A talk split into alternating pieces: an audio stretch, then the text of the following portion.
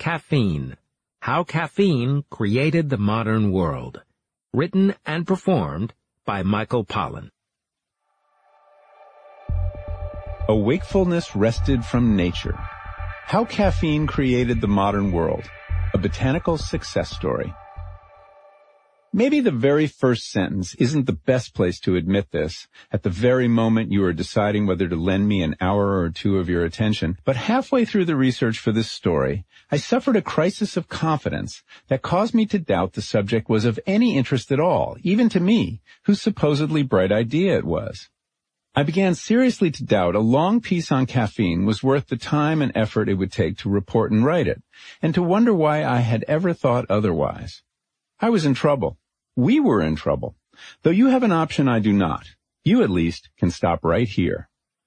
Before this crisis, I had been chugging merrily along, conducting interviews, reading countless books of science. It turns out caffeine is one of the most studied psychoactive compounds there is, and history, the course of which was shifted decisively in the West by caffeine, traveling to South America to visit a coffee finca, tasting all manner of caffeinated beverages, when suddenly, like the roadrunner in the cartoon, I chanced to glance down and realized there was no more road underfoot, just a vast, empty expanse of pointlessness as far as I could see. What in the world was I doing? Or perhaps it would be more accurate to ask, what was I not doing? Because something was going on with me just then that almost certainly accounts for this project's sudden loss of cabin pressure. I had stopped using caffeine, abruptly and completely. After years of a tall morning coffee, followed by several glasses of green tea through the day and the occasional cappuccino after lunch, I had quit caffeine cold turkey. It was not something I particularly wanted to do, but I had come to the reluctant conclusion that the story demanded it. Several of the experts I was interviewing had suggested I really couldn't understand the role of caffeine in my life its invisible yet pervasive power without getting off it, and then, presumably, getting back on. Roland Griffiths, one of the world's leading researchers on mood-altering drugs, and the man most responsible for getting the diagnosis of caffeine withdrawal included in the DSM-5, the Bible of psychiatric diagnoses, told me he hadn't begun to understand his own relationship to caffeine until he stopped using it and conducted a series of self-experiments. He urged me to do the same. The idea here is that you can't possibly describe the vehicle you're driving without first stopping, getting out, and taking a good look at it from outside. This is probably the case with all psychoactive drugs, but is especially true of caffeine, since the particular quality of consciousness it sponsors in the regular user feels not so much altered or distorted as normal and transparent. Indeed, for most of us, to be caffeinated to one degree or another has simply become baseline human consciousness. Something like 90% of humans ingest caffeine regularly, making it the most widely used psychoactive drug in the world, and the only one we routinely give to children, commonly in the form of soda. It's so pervasive that it's easy to overlook the fact that to be caffeinated is not baseline consciousness, but in fact is an altered state. It just happens to be a state that virtually all of us share, rendering it invisible. So I decided that for the good of the piece, that is to say, for you, dear listener, I would conduct a self-experiment in abstention. What had never occurred to me when I began this experiment is that by giving up caffeine, I would be undermining my ability to tell the story of caffeine, a knot I wasn't at all sure how to untie. Maybe I should have anticipated the problem the scientists have spelled out, and I had duly noted, the predictable symptoms of caffeine withdrawal.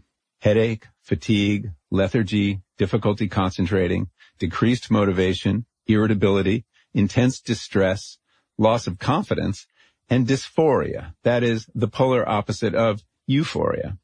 I had them all to one degree or another, but beneath the deceptively mild rubric of difficulty concentrating hides nothing short of an existential threat to the work of the writer. How can you possibly expect to write anything when you can't concentrate?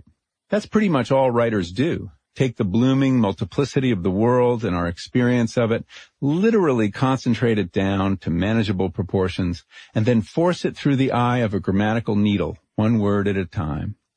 It's a miracle anyone ever manages this mental feat, or at least it seems that way on day three of caffeine withdrawal. But even before the writer can hope to confront and scale that sheer cliff of impossibility, he or she needs to muster the confidence, the sense of agency and power required to proceed. It hardly matters if it's a delusion, but that sense that you have by the tail a story the world needs to hear, and you alone have what it takes to tell it, is precisely what you need to tell it. Forgive the masculine metaphor, but much depends on this mental tumescence. What I discovered is that it, in turn, depends in no small part on 1,3,7-trimethylxanthine, the tiny organic molecule known to most of us as caffeine. The first day of my withdrawal, which began on April 10th, was by far the most trying, so much so that the prospect of writing, or even just reading, was immediately rendered futile. I had postponed the dark day as long as I could, concocting the kind of excuses every addict does. Stressful week coming up, I would inform myself. Probably not the best time to go cold turkey. Of course, there was never a good time to do it. Always some reason I needed to be sharp and couldn't afford the flu-like symptoms the researchers said might be in my future. I want to do right, as country singer Gillian Welch crooned, but not right now. That was me, day after day. Procrastination at the beginning of any writing project is not unusual for me, but this went on for weeks.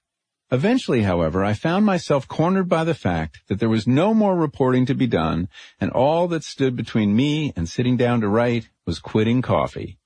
The very act that would render it impossible to write. I set a date and determined to stick to it. April 10th, a Wednesday morning, arrived. According to the researchers I'd interviewed, the process of withdrawal had actually begun overnight while I was sleeping, during the trough in the graph of caffeine's diurnal effects. The day's first cup of tea or coffee acquires most of its power, its joy, not so much from its euphoric and stimulating properties, than from the fact it is suppressing the emerging symptoms of withdrawal.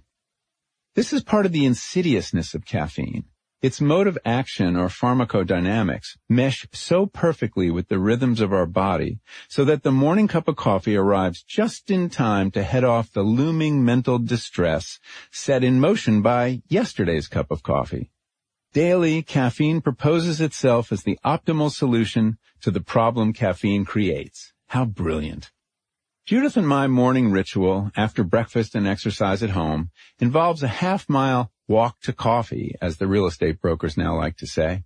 For some reason, we never make coffee at home. Instead, we buy a cup at the cheese board, a local bakery and cheese shop, and sip it from a cardboard container swaddled in a warm cardboard sleeve. Wasteful, I know. Hoping to fool myself, I made sure to keep everything about the morning ritual unchanged. The walk down the hill and the hot drink in a swaddled cardboard cup Except that when I reached the register, I forced myself to ask for a mint tea instead of the usual large half caf. Yes, I was a comparative piker in my coffee consumption. After years of the usual, this raised the barista's eyebrows. I'm on the wagon, I explained apologetically. On this morning, that lovely dispersal of the mental fog that the first hit of caffeine ushers into consciousness never arrived. The fog settled over me and would not budge. It's not that I felt terrible. I never got a serious headache, but all day long I felt a certain muzziness, as if a veil had descended in the space between me and reality, a kind of filter that absorbs certain wavelengths of light and sound. I wrote in my notebook, consciousness feels less transparent than usual, as if the air is slightly thicker and seems to be slowing everything down, including perception. I was able to do some work, but distractedly. I feel like an unsharpened pencil, I wrote. Things on the periphery intrude and won't be ignored. I can't focus for more than a minute. Is this what it's like to have ADD? By noon, I was mourning the passing of caffeine from my life for an unspecified period of time. I so missed what Judith calls her cup of optimism, the same cup that Alexander von Humboldt, the great German naturalist, called concentrated sunshine. Humboldt had a parrot named Jacob who could say only one thing, more coffee, more sugar. Though at this point, I would have settled for much less than optimism. What I miss, I wrote, is nothing resembling a state of intoxication or euphoria, just the simple gift of my normal everyday consciousness. Is this the new baseline? God, I hope not. Over the course of the next few days, I definitely began to feel better. The veil lifted, yet I was still not quite myself, and neither quite was the world. By the end of the week, I had gotten to the point where I didn't think I could fairly blame caffeine withdrawal for my mental state and disappointing output. And yet in this new normal, the world seemed duller to me. I seemed duller too. Mornings were the worst. I came to see how integral caffeine is to the daily work of knitting ourselves back together after the fraying of consciousness during sleep. That reconsolidation of self, the daily sharpening of the mental pencil, took much longer than usual and never felt quite complete. I began to think of caffeine as an essential ingredient for the construction of the ego. Mine was now deficient in that nutrient, which perhaps explains why the whole idea of writing this piece indeed of ever writing anything ever again, had come to seem insurmountable. I've been talking here about a chemical, caffeine, but of course we're really talking about a plant, or in this case two plants, Coffea and Camellia sinensis, aka tea, that over the course of their evolution figured out how to produce a chemical that happens to addict most of the human species. This is an astounding accomplishment, and while that was not the plant's intent in concocting this molecule, there is no intent in evolution, just lots of blind chance that occasionally yields an adaptation so good that it is extravagantly rewarded. Once that molecule found its way into the human brain, the destiny of those plant species and this animal species changed in momentous ways. The adaptation proved so ingenious that it allowed the plants to wildly expand their numbers and habitats. In the case of coffea, whose range had previously been limited to a few corners of East Africa and southern Arabia, its appeal to our species allowed it to circumnavigate the planet, colonizing a broad band of territory, mainly in the tropical highlands, that reached from Africa to East Asia, Hawaii, Central and South America, and now covers more than 27 million acres. The path of Camellia sinensis has taken the plant from its origins in southwest China, near present-day Myanmar and Tibet, as far west as India and east to Japan, colonizing more than 10 million acres. These are two of the world's most successful plants, right up there with the edible grasses, rice, wheat, and corn. Yet compared to those species, which won our support by so admirably supplying our need for calories, tea and coffee's ticket to world domination involve something much more subtle and superfluous, their ability to change our consciousness in desirable and useful ways. And unlike the edible grasses, the fat seeds of which we consume with virtually every meal, all we want from the tea and coffee plants are the molecules of caffeine and some characteristic flavors we extract from their leaves and seeds, respectively. So all we do with them is trivially lighten the weight of their vast biomass before simply dumping it all in landfills. Tons of these most valuable of all agricultural commodities are shipped from the tropics to the higher latitudes, there to be briefly soaked in hot water and then thoughtlessly discarded. Isn't there something ecologically absurd about this? Coffee and tea had their own reasons for producing the caffeine molecule, and as is often the case for the so-called secondary metabolites produced by plants, this is for defense against predators. At high doses, caffeine is lethal to insects. Its bitter flavor may also discourage them from chewing on the plants. Caffeine also appears to have herbicidal properties and may inhibit the germination of competing plants that attempt to grow in the zone where seedlings have taken root or later drop their leaves. Many of the psychoactive molecules plants produce are toxic, but as Paracelsus famously said, the dose makes the poison. What kills at one dose may do something more subtle and interesting at another. The interesting question is why so many of the defense chemicals produced by plants are psychoactive in animals at less than lethal doses. One theory holds that the plant doesn't necessarily want to kill its predator, only disarm it. As the long history of the plant defense chemical versus insect arms race demonstrates, killing your predator outright isn't necessarily the best move, since it will quickly select for pesticide-resistant members of that species, eventually rendering the toxin harmless. Whereas if you succeed in merely discombobulating your enemy, distracting him from his dinner, say, or ruining his appetite, as many psychoactive compounds will do, you might be better off, since you will save yourself while preserving the power of your defense toxin. Caffeine does in fact shrink the appetite and discombobulate insect brains. In a famous experiment conducted by NASA in the 1990s, researchers fed a variety of psychoactive substances to spiders to see how they would affect their web-making skills. The caffeinated spider spun a strangely cubist and utterly ineffective web, with oblique angles, openings big enough to let small birds through, and completely lacking in symmetry or a center. The web was far more fanciful than the one spun by spiders given cannabis or LSD. Intoxicated insects are also, like intoxicated humans, more likely to do reckless things, thereby attracting the attention of birds and other predators who will happily do the plant's bidding by snatching and destroying the helplessly dancing or stumbling bug. Most of the various plant chemicals or alkaloids that people have used to alter the textures of consciousness are chemicals originally selected for defense.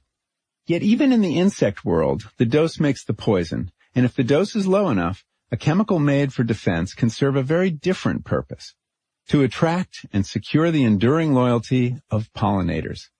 This appears to be what's going on between bees and certain caffeine-producing plants in a symbiotic relationship that may have something important to tell us about our own relationship to caffeine.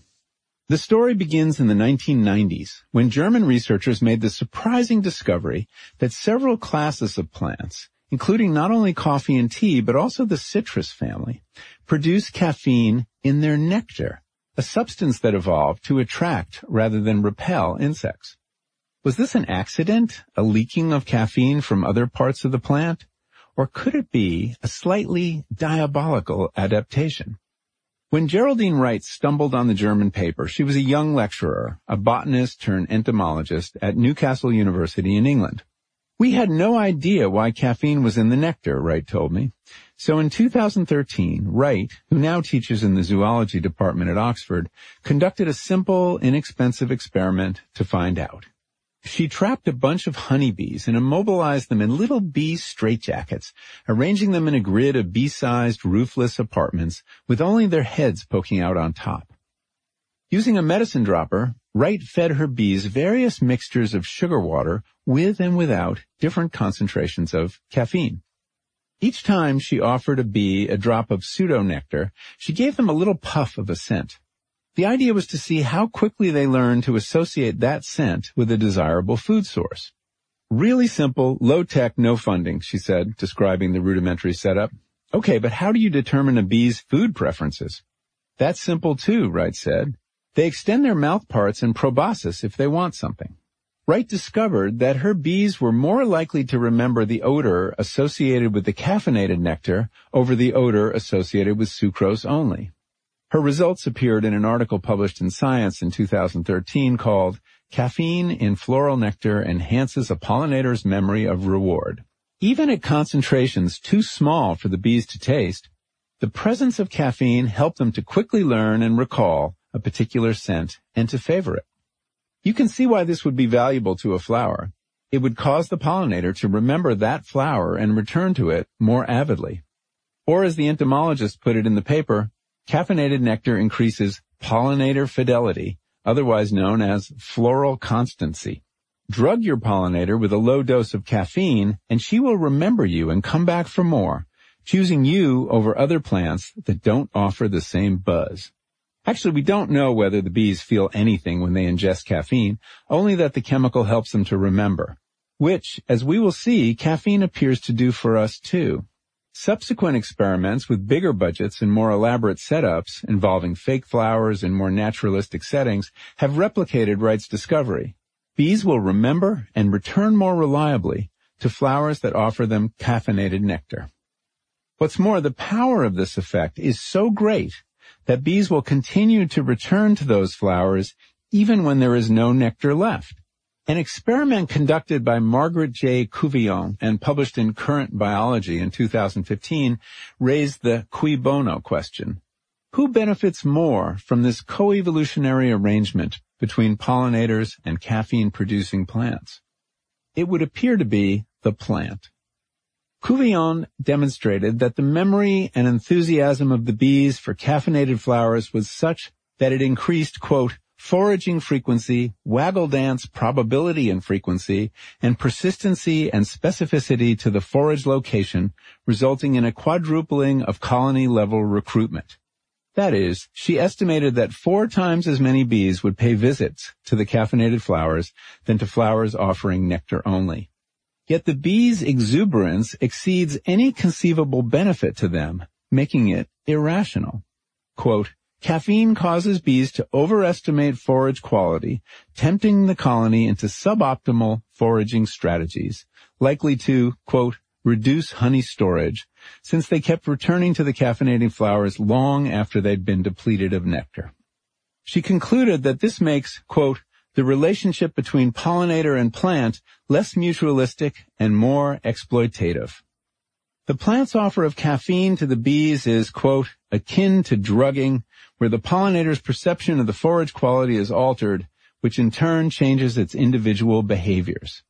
It's an eerily familiar story. A credulous animal duped by a plant's clever neurochemistry into acting against its interests. An uncomfortable question arises. Could we humans be in the same boat as those hapless bees? Have we too been duped by caffeinated plants, not only to do their bidding, but to act against our interest in the process? Who's getting the best of our relationship with the caffeine producing plants?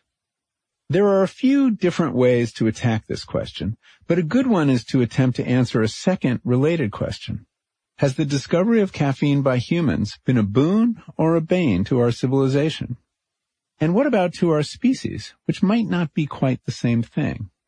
In the case of caffeine, we can look to recorded history for answers, since humanity's acquaintance with caffeine is surprisingly recent. Hard as it is to imagine, Western civilization was innocent of coffee or tea until the 1600s. As it happens, coffee, tea, and chocolate, which also contains caffeine, arrived in England during the same decade, the 1650s, so we can gain some idea of the world before caffeine and after. Coffee was known in East Africa for a few centuries before that. It's believed to have been discovered in Ethiopia around 850 AD, but it does not have the antiquity of other psychoactive substances, such as alcohol or cannabis or even some of the psychedelics like psilocybin or ayahuasca, which have played a role in human culture for millennia. Tea is somewhat older than coffee, having been discovered in China and used as a medicine since at least 1000 BC, though tea wasn't popularized as a recreational beverage until the Tang dynasty between 618 and 907 AD. It is hardly an exaggeration to say that the arrival of caffeine in Europe changed everything. That sounds hyperbolic, I know, and we often hear something similar about other developments in material culture, how the discovery of X or Y, a new world commodity say, or some invention or discovery made the modern world. This usually means that the advent of X or Y had a transformative effect on economics or everyday life or the standard of living. But like the caffeine molecule itself, which rapidly reaches virtually every cell of the body that ingests it, the changes wrought by coffee and tea occurred at a more fundamental level, at the level of the human mind. Coffee and tea ushered in a shift in the mental weather, sharpening minds that had been fogged by alcohol, freeing people from the natural rhythms of the body and the sun, thus making possible whole new kinds of work, and arguably new kinds of thought, too. Having brought what amounted to a new form of consciousness to Europe, caffeine went on to influence everything from global trade to imperialism, the slave trade, the workplace, the sciences, politics, social relations, arguably even the rhythms of English prose. The story goes that the human engagement with the coffee plant begins with an observant goat herder in present-day Ethiopia, one of a handful of places in Africa where the shrubby tree grows wild. According to the story, a ninth century herder by the name of Kaldi noticed how his goats would behave erratically and remain awake all night after eating the red berries of the Coffea arabica plant. Kaldi shared his observation with the abbot of a local monastery, who concocted a drink with the berries and discovered the stimulating properties of coffee. Perhaps, but we do know that by the 15th century, coffee was being cultivated in East Africa and traded across the Arabian Peninsula. Initially, the new drink was regarded as an aid to concentration and used by Sufis in Yemen to keep them from dozing off during their religious observances. Tea, too, started out as a kind of spiritual NoDoz for Buddhist monks striving to stay awake through long stretches of meditation. Within a century, coffee houses had sprung up in cities across the Arab world. In 1570, there were more than 600 of them in Constantinople alone, and they spread north and west with the Ottoman Empire. These new public spaces were hotbeds of news and gossip, as well as places to gather for performances and games. Coffee houses were comparatively liberal institutions, where the conversation often turned to politics, and at various times, governmental and clerical powers that be attempted to close them down, but never for long or with much success. A vat of coffee was put on trial in Mecca in 1511 for its dangerously intoxicating effects. However, its conviction and subsequent banishment was quickly overturned by the Sultan of Cairo. As coffee's defenders rightly pointed out, the beverage is nowhere mentioned in the Koran. Coffee thus offered the Islamic world a suitable alternative to alcohol, which is specifically prescribed in the Koran, and it came to be known as kave, which loosely translated means wine of Araby. This notion that coffee somehow exists in opposition to alcohol would persist in both the East and the West and comes down to us today in the common but erroneous belief that black coffee is an antidote for drunkenness. The Islamic world at this time was in many respects more advanced than Europe in science and technology and learning. Whether this mental flourishing had anything to do with the prevalence of coffee and prohibition of alcohol is difficult to prove, but as the German historian Wolfgang Schivelbusch has argued, the beverage, quote, seemed to be tailor-made for a culture that forbade alcohol consumption and gave birth to modern mathematics. In China, the popularity of tea during the Tang dynasty also coincided with a golden age, and the far-reaching impact of caffeine's arrival in Europe gives the idea of a causal link some plausibility. Europeans had long been fascinated by the exotic practices of the quote-unquote Orient, and the drinking of this inky hot beverage soon sparked their curiosity. A Venetian traveler to Constantinople in 1585 noted that the locals, quote, are in the habit of drinking in public in shops and in the streets, a black liquid, boiling as they can stand it, which is extracted from a seed they call kave, and is said to have the property of keeping a man awake. The notion of drinking any beverage piping hot was itself exotic, and in fact this proved to be one of the most important gifts of both coffee and tea to humanity. The fact that you needed to boil water to make them meant that they were the safest thing a person could drink. Before that, it had been alcohol, which was more sanitary than water, but not as safe as tea or coffee. The tannins in all these beverages also have antimicrobial properties. The contribution of coffee and tea to public health might help explain why societies that embraced the new hot drinks tended to thrive as microbial diseases declined. In 1629, the first coffee houses in Europe, styled on the Arab model, popped up in Venice, and the first such establishment in England was opened in Oxford in 1650 by a Jewish immigrant known as Jacob. They arrived in London shortly thereafter and proliferated virally. Within a few decades, there were thousands of coffee houses in London. At their peak, one for every 200 Londoners. We think of England as a tea culture, but it was coffee that flourished there first. It wasn't until the 18th century that tea consumption surpassed that of coffee, a development that had less to do with any shift in popular taste than the fact that the British Empire lacked colonies suitable for growing coffee, making it more expensive than tea. As in the Islamic world, in Europe, coffee was mainly consumed in public coffee houses, vibrant meeting places where the news of the day, political, financial, and cultural, was as much the draw as the coffee.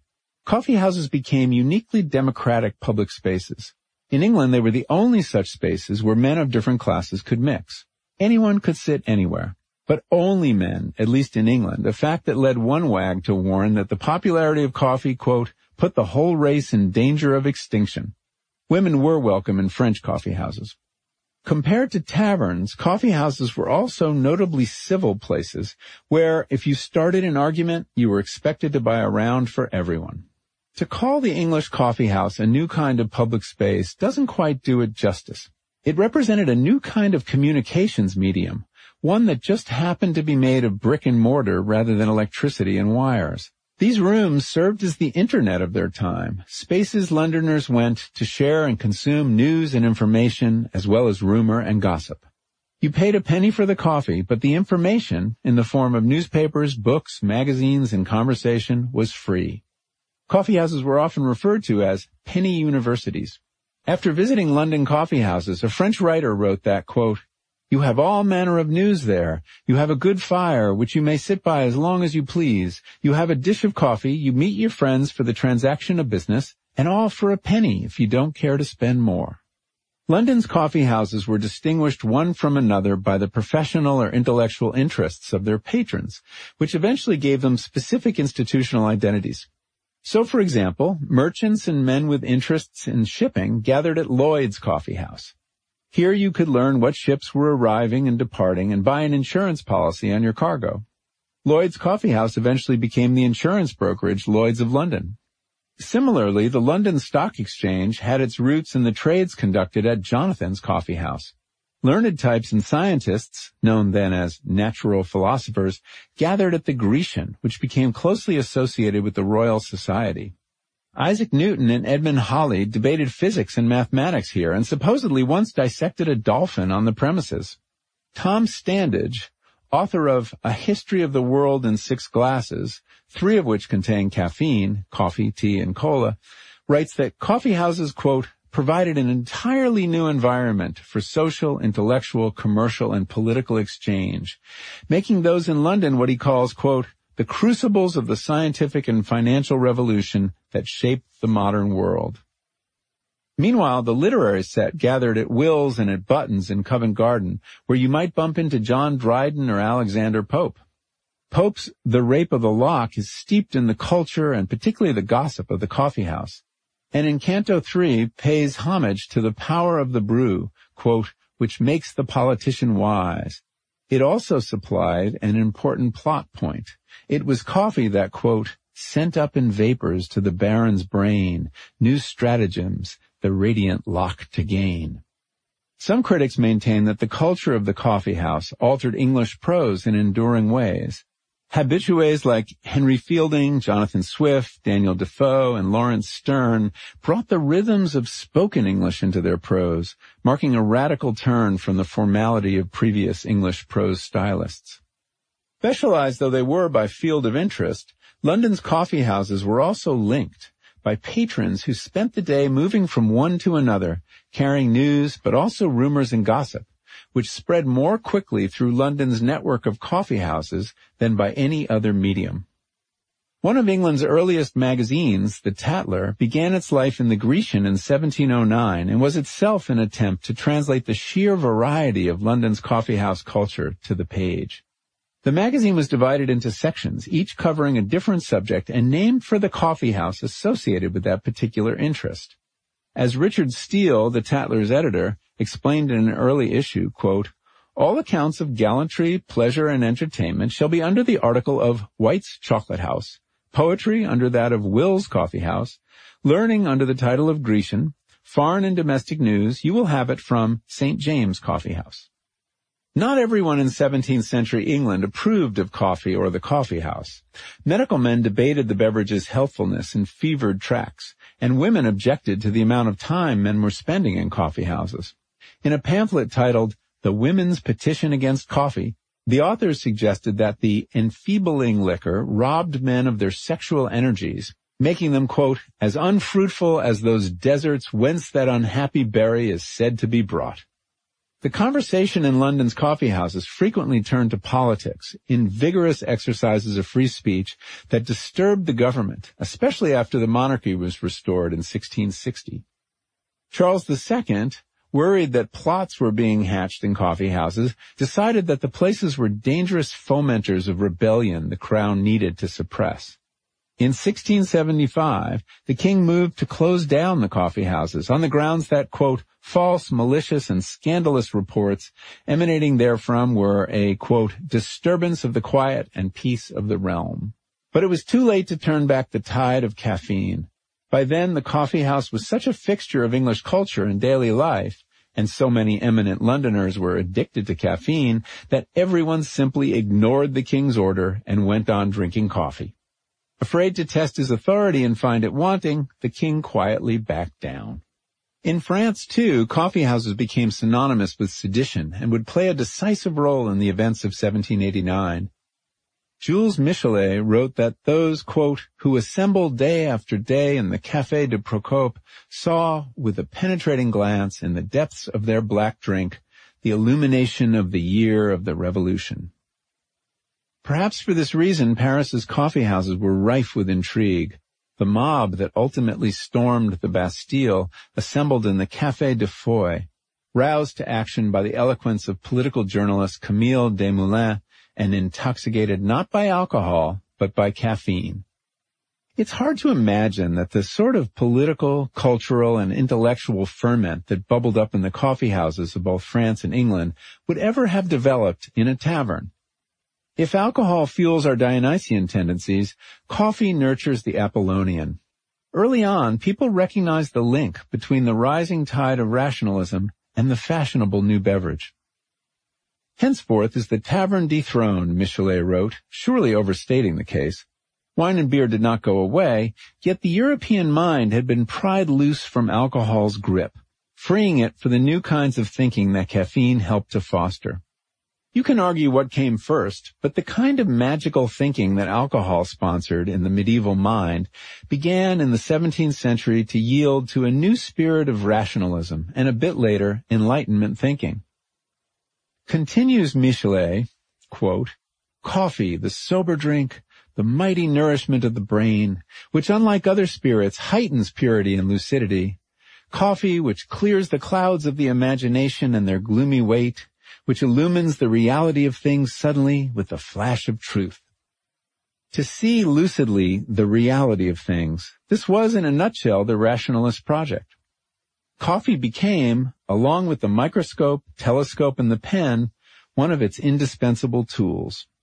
But unlike the others, this was a tool that was taken up in the brain and mind. Wolfgang Schivelbusch writes in his wonderful history of stimulants and intoxicants, Tastes of Paradise, that quote, with coffee, the principle of rationality entered human physiology, transforming it to conform with its own requirements. The enthusiasm for coffee among intellectuals in both England and France reflected perhaps its novelty as much as its power. New drugs always seem miraculous, and for that reason are often credited with astounding properties and consumed to excess. Voltaire was a fervent advocate for coffee and supposedly drank as many as 72 cups a day. Coffee and coffee houses fueled heroic labors in the Enlightenment writers. Denis Diderot compiled his magnum opus while imbibing caffeine at the Café de Procope. It's safe to say his encyclopedia would never have gotten finished in a tavern. Honoré de Balzac was convinced his vast literary output, as well as the operations of his imagination, depended on heroic doses of coffee, consumed through the night as he chronicled the human comedy in his innumerable novels. Eventually, he developed such tolerance for caffeine that he dispensed altogether with the diluting effects of water, developing his own unique method of administering the drug dry, and I quote, I have discovered a horrible, rather brutal method that I recommend only to men of excessive vigor. It is a question of using finely pulverized, dense coffee, cold and anhydrous, consumed on an empty stomach. This coffee falls into your stomach, a sac whose velvety interior is lined with tapestries of suckers and papillae. The coffee finds nothing else in the sac, and so it attacks these delicate and voluptuous linings. Sparks shoot all the way up to the brain. The effect for Balzac was to transform the brain into a pitched mental battleground where the epic forces of his imagination could contend. Quote, from that moment on, everything becomes agitated. Ideas quick march into motion like battalions of a grand army to its legendary fighting ground, and the battle rages. Memories charge in, bright flags on high, the cavalry of metaphor deploys with a magnificent gallop, the artillery of logic rushes up with clattering wagons and cartridges. On imagination's orders, sharpshooters sight and fire, forms and shapes and characters rear up. The paper is spread with ink. Perhaps not surprisingly, it was Balzac who wrote one of the all-time best descriptions of how it feels to be overcaffeinated, a state which he said, quote, produces a kind of animation that looks like anger. One's voice rises, one's gestures suggest unhealthy impatience, one wants everything to proceed with the speed of ideas, one becomes brusque, ill-tempered about nothing. One assumes that everyone else is equally lucid, a man of spirit must therefore avoid going out in public. It is one thing to live in a shared culture of caffeine in which everyone's mind is running at more or less the same accelerated pace. But it's quite another to find yourself so sped up mentally that other people appear to you like motionless figures on a train platform as you blur by them in caffeinated clouds of impatience. Balzac's account of caffeine intoxication hit home as I approached the third month of my abstention. I felt very much like that stationary figure on the platform, catching envious glimpses of coffee drinkers through the train window as they streaked by. After a few weeks, the mental impairments of withdrawal had subsided, and I could once again think in a straight line, hold an abstraction in my head for more than two minutes, and shut peripheral thoughts out of my field of attention. My confidence in telling this story gradually returned, and after a month I could write again. You can judge how well that's going, but at least it's going. Yet I continued to feel like I'm mentally just slightly behind the curve, especially when in the company of coffee and tea drinkers, which of course is all the time and everywhere. In college, I dated a woman who had grown up without a television set in her home. She missed so many references, jokes, and allusions that she sometimes seemed vaguely foreign to us, and we to her. There was this subtle but unmistakable mental hitch. These days, it feels a little like that. Here's what I'm missing. I miss the way caffeine and its rituals used to order my day, especially in the morning. Herbal teas, which are barely, if at all, psychoactive, lack coffee and tea's power to organize the day into a rhythm of energetic peaks and valleys as the mental tide of caffeine ebbs and flows. The morning surge is a blessing, obviously, but there's also something comforting in the ebb tide of afternoon, which a cup of tea can gently reverse. I miss the enveloping aroma and the sounds of coffee, whether it's the mechanical scream of beans being ground or the more contented burbling of the coffee as it brews. Actually, those sensory gifts are still available to me every time I walk by a cafe, but it turns out the smells and sounds by themselves are merely a taunt, if not followed by consummation. I've taken to brewing coffee for Judith at home, grinding the smoky woodsy aromas out of the beans and inhaling the steam off her cup before I hand it to her, hoping to imbibe some hint of mental stimulant before I head off to my desk to sip my chamomile tea. What work of genius has ever been composed on chamomile? What mental breakthrough has ever been credited to mint tea? It's a miracle I've gotten this far with this story. I miss being able to take part in coffee culture, idling in cafes and taking in the scene. Even as the mind accelerates, the body slows and is perfectly content to while away the time. Curiously, that culture no longer revolves around conversation, which has all but dried up in the modern coffee house. It's been replaced by the mental industry of coffee drinkers tapping away on their laptops with a sense of urgency I can't even pretend to. So many important projects. Sure, I can sit there among them with my tisane, but it's not the same. I no longer swim in the same caffeine sea as everyone else. Beached, I can still see the water, but it's way over there. There are some compensatory benefits. I'm sleeping like a teenager again and wake feeling actually refreshed. There's an explanation for that I will get to. I've discovered an odd and unexpected social benefit as well. When I turn down offers of coffee and explain my experiment in abstention, I find that people are keenly interested and, oddly, sort of impressed. It's as though I've notched some kind of achievement. I could never do that, a friend will say, or I should really try that. I know it would help me sleep, but I can't imagine getting through the morning. Naturally, these reactions make me feel as though I've actually done something worthy of admiration. I suspect I'm benefiting from the echoes of Puritanism still reverberating in our culture, which even now awards points for self-discipline and overcoming desire. Addiction, even to a relatively harmless and easily procured drug like caffeine, is seen as evidence of weakness of character. Quote, I realized my life was being controlled by caffeine. A sleep researcher and caffeine abstainer that I interviewed told me, quote, Traveling, I'd find myself in an unfamiliar city and could not turn in for bed until I had scoped out where I was going to get my fix in the morning. I liked to feel in control and realized I wasn't.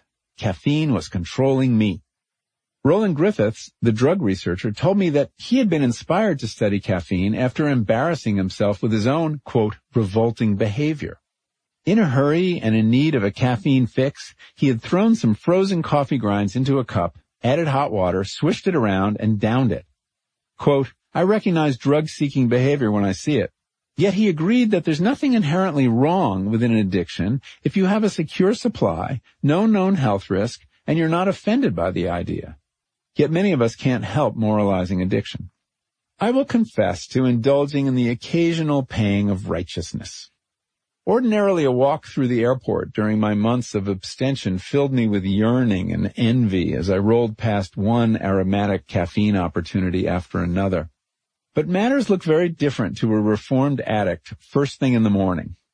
One such morning, having hauled myself out of bed into the airport for a 6 a.m. flight, fueled on nothing but peppermint tea, I registered only pity as I beheld the lines snaking in front of the Starbucks and Peet's, lines so long it would take easily a half hour for these poor wretches to get served.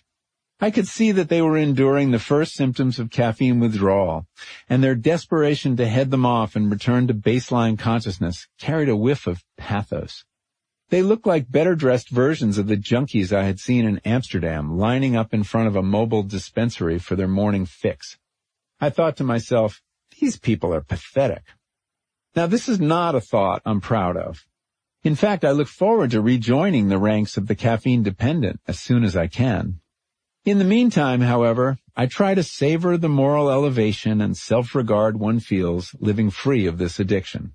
For now, that's pretty much all I've got. At some point, I began to wonder if perhaps it was all in my head, this sense that I had lost a mental step since getting off coffee and tea. The debt to coffee so freely acknowledged by the mental giants of the age of reason and the enlightenment fed my suspicion I might still be suffering from a subtle, or perhaps not so subtle, mental deficiency. Since I had not given up wine during the period of my caffeine abstention, was it possible I had personally reversed the forward march of intellectual progress in the West, casting myself back into the medieval mists of slow and magical thinking? Yet even without the mental clarity bestowed by caffeine, I knew better than to put much weight on the anecdotal or the N of one. So I decided to check in with capital S science to learn what, if any, cognitive enhancement can actually be attributed to caffeine. What was I really missing? I found numerous studies conducted over the years reporting that caffeine improves performance on a range of cognitive measures of memory, focus, alertness, vigilance, attention, and learning. An experiment done in the 1930s found that chess players on caffeine performed significantly better than players who abstained. In another study, caffeine users completed a variety of mental tasks more quickly, though they made more errors. As one paper put it in its title, people on caffeine are faster but not smarter. In a 2014 experiment, subjects given caffeine immediately after learning new material remembered it better than subjects who received a placebo. Tests of psychomotor abilities also suggest caffeine gives us an edge. In simulated driving exercises, caffeine improves performance, especially when the subject is tired. It also enhances physical performance on such metrics as time trials, muscle strength, and endurance. So a quick summary of the research would suggest I really have given up a mental and physical edge by giving up caffeine. True, there is reason to take these findings with a pinch of salt, if only because this kind of research is difficult to do well. The problem is finding a good control group in a society where virtually everyone is addicted to caffeine. If you compare the performance of two groups, one to whom you've given a caffeine tablet and the other a placebo, the chances are strong that the placebo group is in the throes of caffeine withdrawal and so at a distinct disadvantage performing any sort of cognitive or motor task. It could be that caffeine is merely restoring volunteers to normal baseline mental function rather than enhancing it. Researchers can overcome this problem by making sure their volunteers have been free of caffeine for a week or two, and many of them do. The consensus seems to be that caffeine does improve mental and physical performance to some degree. The science suggests that in all likelihood, I have lost a mental step since embarking on this experiment, relative to my previous coffee and tea drinking self. I hereby apologize for any lapses that may have occurred as a result. Whether caffeine also enhances creativity is a different question, however, and there's some reason to doubt that it does, Balzac's fervent belief to the contrary. Caffeine improves our focus and ability to concentrate, which surely enhances linear and abstract thinking, but creativity works very differently. It may depend on the loss of a certain kind of focus and the freedom to let the mind off the leash of linear thought. Cognitive psychologists sometimes talk in terms of two distinct types of consciousness. Spotlight consciousness, which illuminates a single focal point of attention, making it very good for reasoning, and lantern consciousness, in which attention is less focused, yet illuminates a broader field of attention. Young children tend to exhibit lantern consciousness. So do many people on psychedelics. This more diffuse form of attention lends itself to mind wandering, free association, and the making of novel connections, all of which can nourish creativity. By comparison, caffeine's big contribution to human progress has been to intensify spotlight consciousness, the focused, linear, abstract, and efficient cognitive processing more closely associated with mental work than play. This, more than anything else, is what made caffeine the perfect drug not only for the age of reason and the Enlightenment, but for the rise of capitalism too. Speaking of focus, sorry, but I didn't mean to drop the thread of caffeine history we'd been following a while back. Let me try to pick it up. The soaring popularity of the coffee house in 17th century Europe posed a problem for business interests there, since at the time Arab traders had an absolute monopoly on coffee beans. They profited from every cup of coffee consumed in London, Paris, or Amsterdam. It was a monopoly the Arabs zealously guarded. To prevent anyone from growing coffee anywhere but in the lands they controlled, Arab traders roasted coffee beans, which are seeds after all, before they were exported to ensure that they couldn't be germinated. But in 1616, a wily Dutchman managed to break the Arab stranglehold on Coffea arabica. He smuggled live coffee plants out of Mocha, the Yemeni port city, and took them to the botanical garden in Amsterdam, where they were grown under glass, and additional plants were eventually propagated by cutting. You can create a new, genetically identical plant by rooting a shoot or branch in soil. One of those clones ended up in the Dutch-controlled Indonesian island of Java, where the Dutch East India Company successfully propagated it, eventually producing enough coffee plants to establish a plantation there. Hence the prize coffee known as Mocha Java. In 1714, two descendants of the Dutchman's larcenous coffee bush were given to King Louis XIV, who had it planted in the King's Garden in Paris. A few years later, a former French naval officer named Gabriel de Clieu dreamed up a scheme to establish coffee production in the French colony of Martinique, where he lived. In a second momentous coffee theft, he claimed to have recruited a woman at court to purloin a cutting of the king's plant. After successfully rooting the cutting, de Clieu installed the little plant in a glass box to protect it from the elements and brought it with him on a ship bound for Martinique. The crossing proved difficult, taking so much longer than anticipated that the supply of drinking water on board had to be strictly rationed. Determined to keep his coffee plant alive, de Clieu shared his meager ration of water with it. de Clieu claimed to have nearly died of thirst at sea, but his sacrifice ensured that the plant made it safely to Martinique where it thrived. By 1730, France's Caribbean colonies were shipping coffee back to what by then was a Europe hopelessly addicted to caffeine.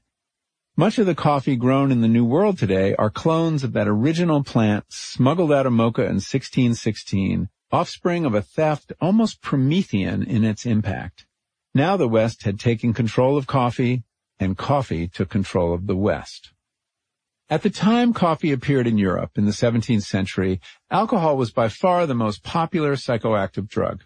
Partly because of its antiseptic properties, partly, alcohol was being consumed morning, noon, and night. not only in taverns after dark, but for breakfast at home and even in the workplace, where it was routinely given to laborers on their breaks. Before coffee and tea, the English mind was befogged most of the day by more or less constant infusions of alcohol. Campaigns for temperance sprang up from time to time, but without a substitute beverage, they failed to gain traction. Enter coffee.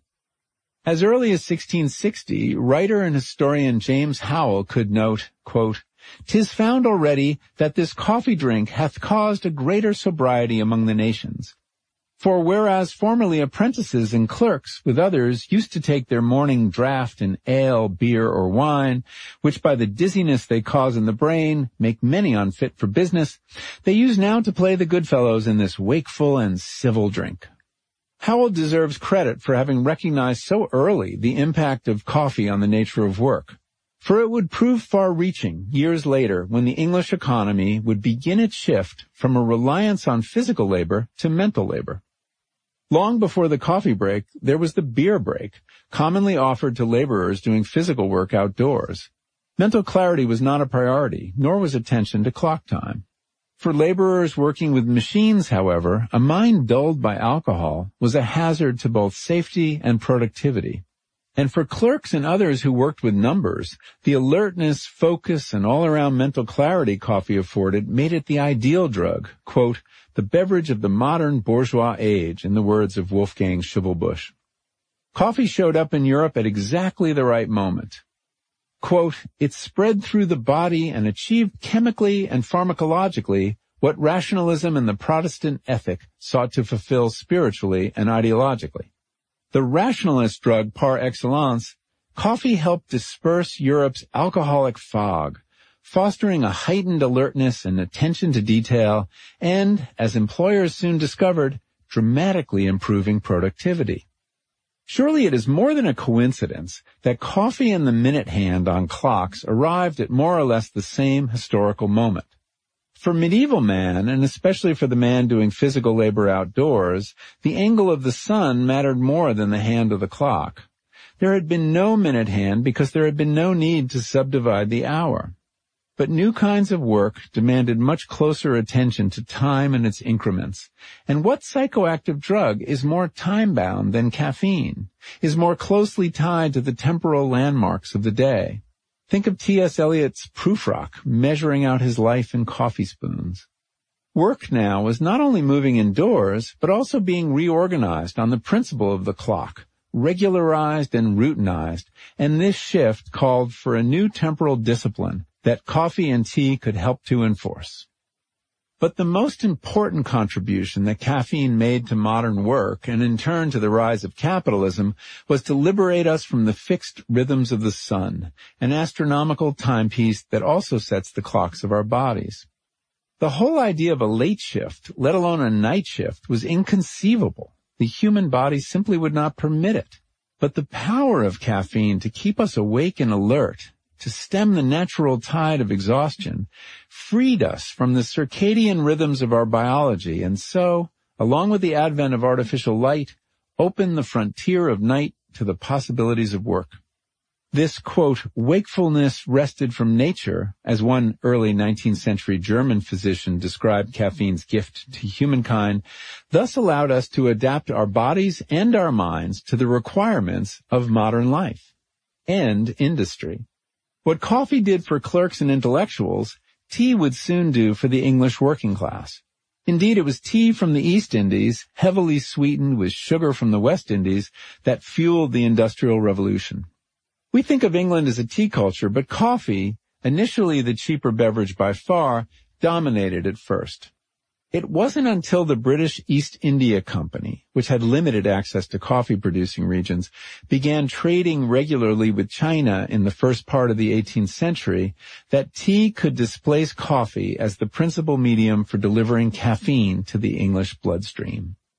Cheap tea flooded the country, and a beverage that only the well-to-do could drink in 1700 was by 1800 consumed by virtually everyone. Tea sustained the English working class through long shifts, brutal working conditions, and more or less constant hunger. The caffeine in tea helped quiet the hunger pangs, and the sugar in it became a crucial source of calories. Caffeine helped create a new kind of worker, one better adapted to the rule of the machine, demanding, dangerous, and incessant. It's difficult to imagine an industrial revolution without it. I've avoided, at least up to now, attempting to answer the questions of value with which we began, when I wondered whether caffeine represented a boon or a bane to civilization and or our species. The widespread use of caffeine is arguably one of those developments in human history, like the control of fire or the domestication of plants and animals, that helped lift us out of the state of nature, providing a new degree of control over biology in this case our own. But is this an absolutely good thing or bad thing? I put the question of whether caffeine was a boon or not to Roland Griffiths during one of our Skype interviews. He had a tall Starbucks cup in front of him and paused for a long time before answering. Sure, given the way our culture works, that we have times we need to be awake and asleep and need to report to work at certain times, we're no longer able to just respond to our natural biological rhythms. So to the extent that caffeine helps us sync up our rhythms to the requirements of civilization, caffeine is useful. Whether that's helpful to our species is another question, he finished, trailing off, but clearly implying it was not.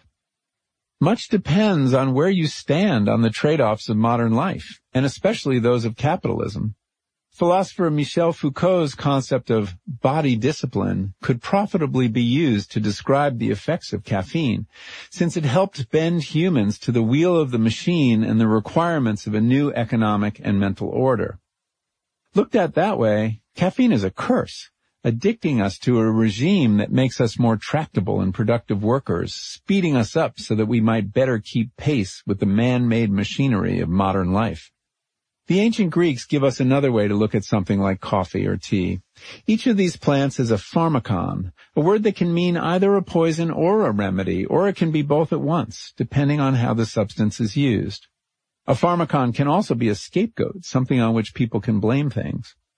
Caffeine is a poison insofar as it undermines our usual bodily and mental rhythms, our nature. And at the same time, it can be a blessing, insofar as it frees us from those rhythms. Caffeine equips us to cope with the world caffeine helped us to create. The question of who benefited more from the advent of caffeine, factory or worker, capital or labor, was the subject of a lively debate that came to a head in mid-20th century America. In the 1920s, a time when management and efficiency emerged as a science, the impact of coffee on the workplace was studied closely. A consensus emerged that it led to a, quote, increased capacity for work, in the words of one researcher, and offered a, quote, aid to factory efficiency. But scientists were perplexed as to exactly how caffeine could augment people's energy.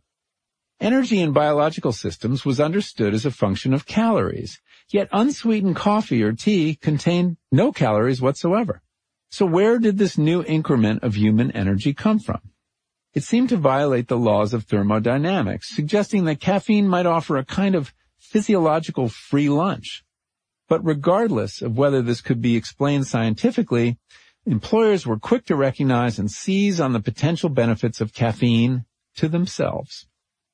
Actually, one of the first employers to seize on the practical value of caffeine was the Union Army during the Civil War. The Army issued each soldier 36 pounds of coffee a year. At the same time, the economic blockade of the South deprived the Confederacy of coffee. According to historian Jon Grinspan, the loss of coffee took a toll on the morale and perhaps also the performance of Confederate soldiers, while its easy availability to Union soldiers gave them an edge. One Union general went so far as to weaponize caffeine, ordering his soldiers to fill their canteens with coffee before battle and planning his attacks for the times when his troops were maximally caffeinated. But the troops symbolized a larger truth that the Civil War represented the victory of the caffeinated North with its sped up industrialized economy over the slower, uncaffeinated rural economy of the Confederacy. Ever since, the American military has made caffeine in all its forms, including tablets and a specially formulated chewing gum, readily available to its soldiers.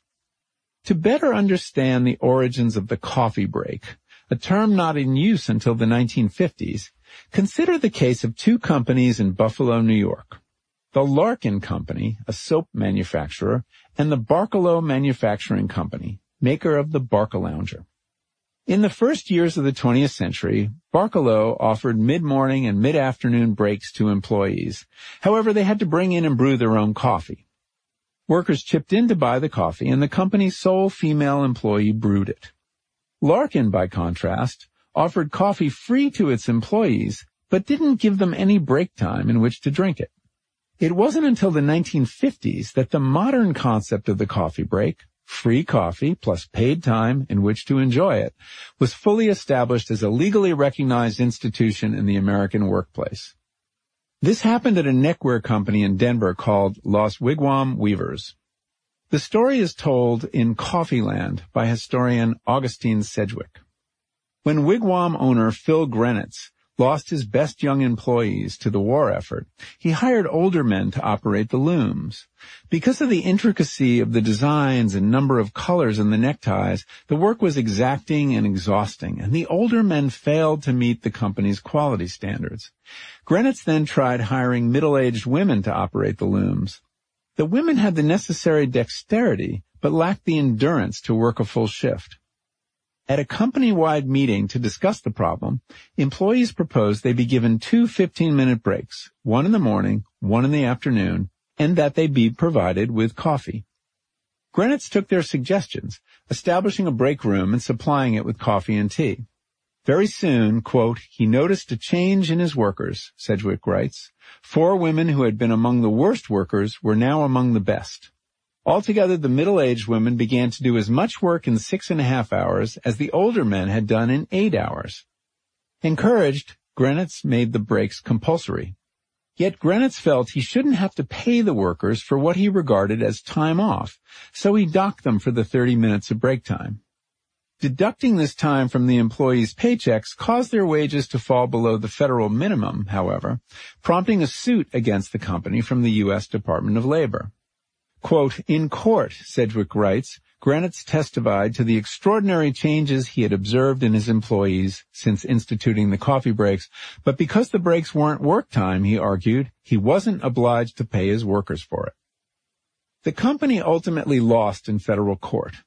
The court ruled that, though the breaks certainly benefited the workers, they were at least, quote, equally beneficial to the employer in that they promote more efficiency and result in a greater output.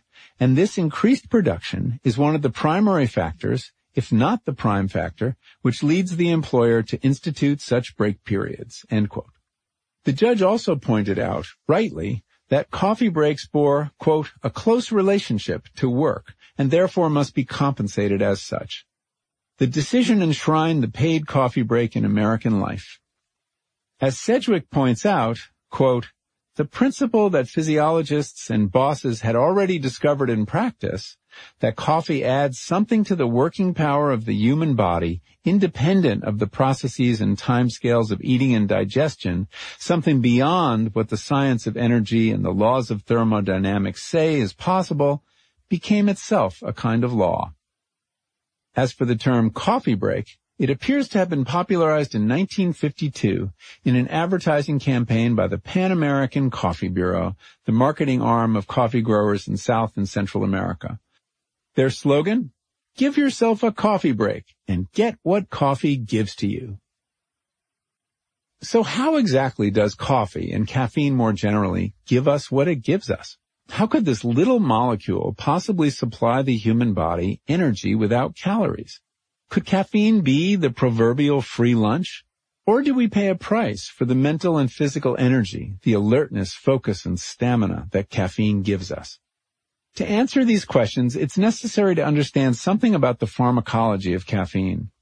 Caffeine is a tiny molecule that happens to fit snugly into an important receptor in the central nervous system, allowing it to occupy it and therefore block the neuromodulator that would normally bind to that receptor and activate it. That neuromodulator is called adenosine. Caffeine, its antagonist, keeps adenosine from doing its job by getting in its way. Adenosine is a psychoactive compound that has a depressive and hypnotic, that is sleep-inducing effect, on the brain when it binds to its receptor. It diminishes the rate at which our neurons fire. Over the course of the day, adenosine levels gradually rise in the bloodstream, and as long as no other molecule is blocking its action, it begins to slow mental operations in preparation for sleep. As adenosine builds up in your brain, you begin to feel less alert and a mounting desire to go to bed, what scientists call sleep pressure. But when caffeine beats adenosine to those receptor sites, the brain no longer receives a signal to begin turning out the mental lights. Even so, the adenosine is still circulating in your brain. In fact, its levels continue to rise, but because the receptors have been hijacked, you don't feel its effects. Instead, you feel wide awake and alert.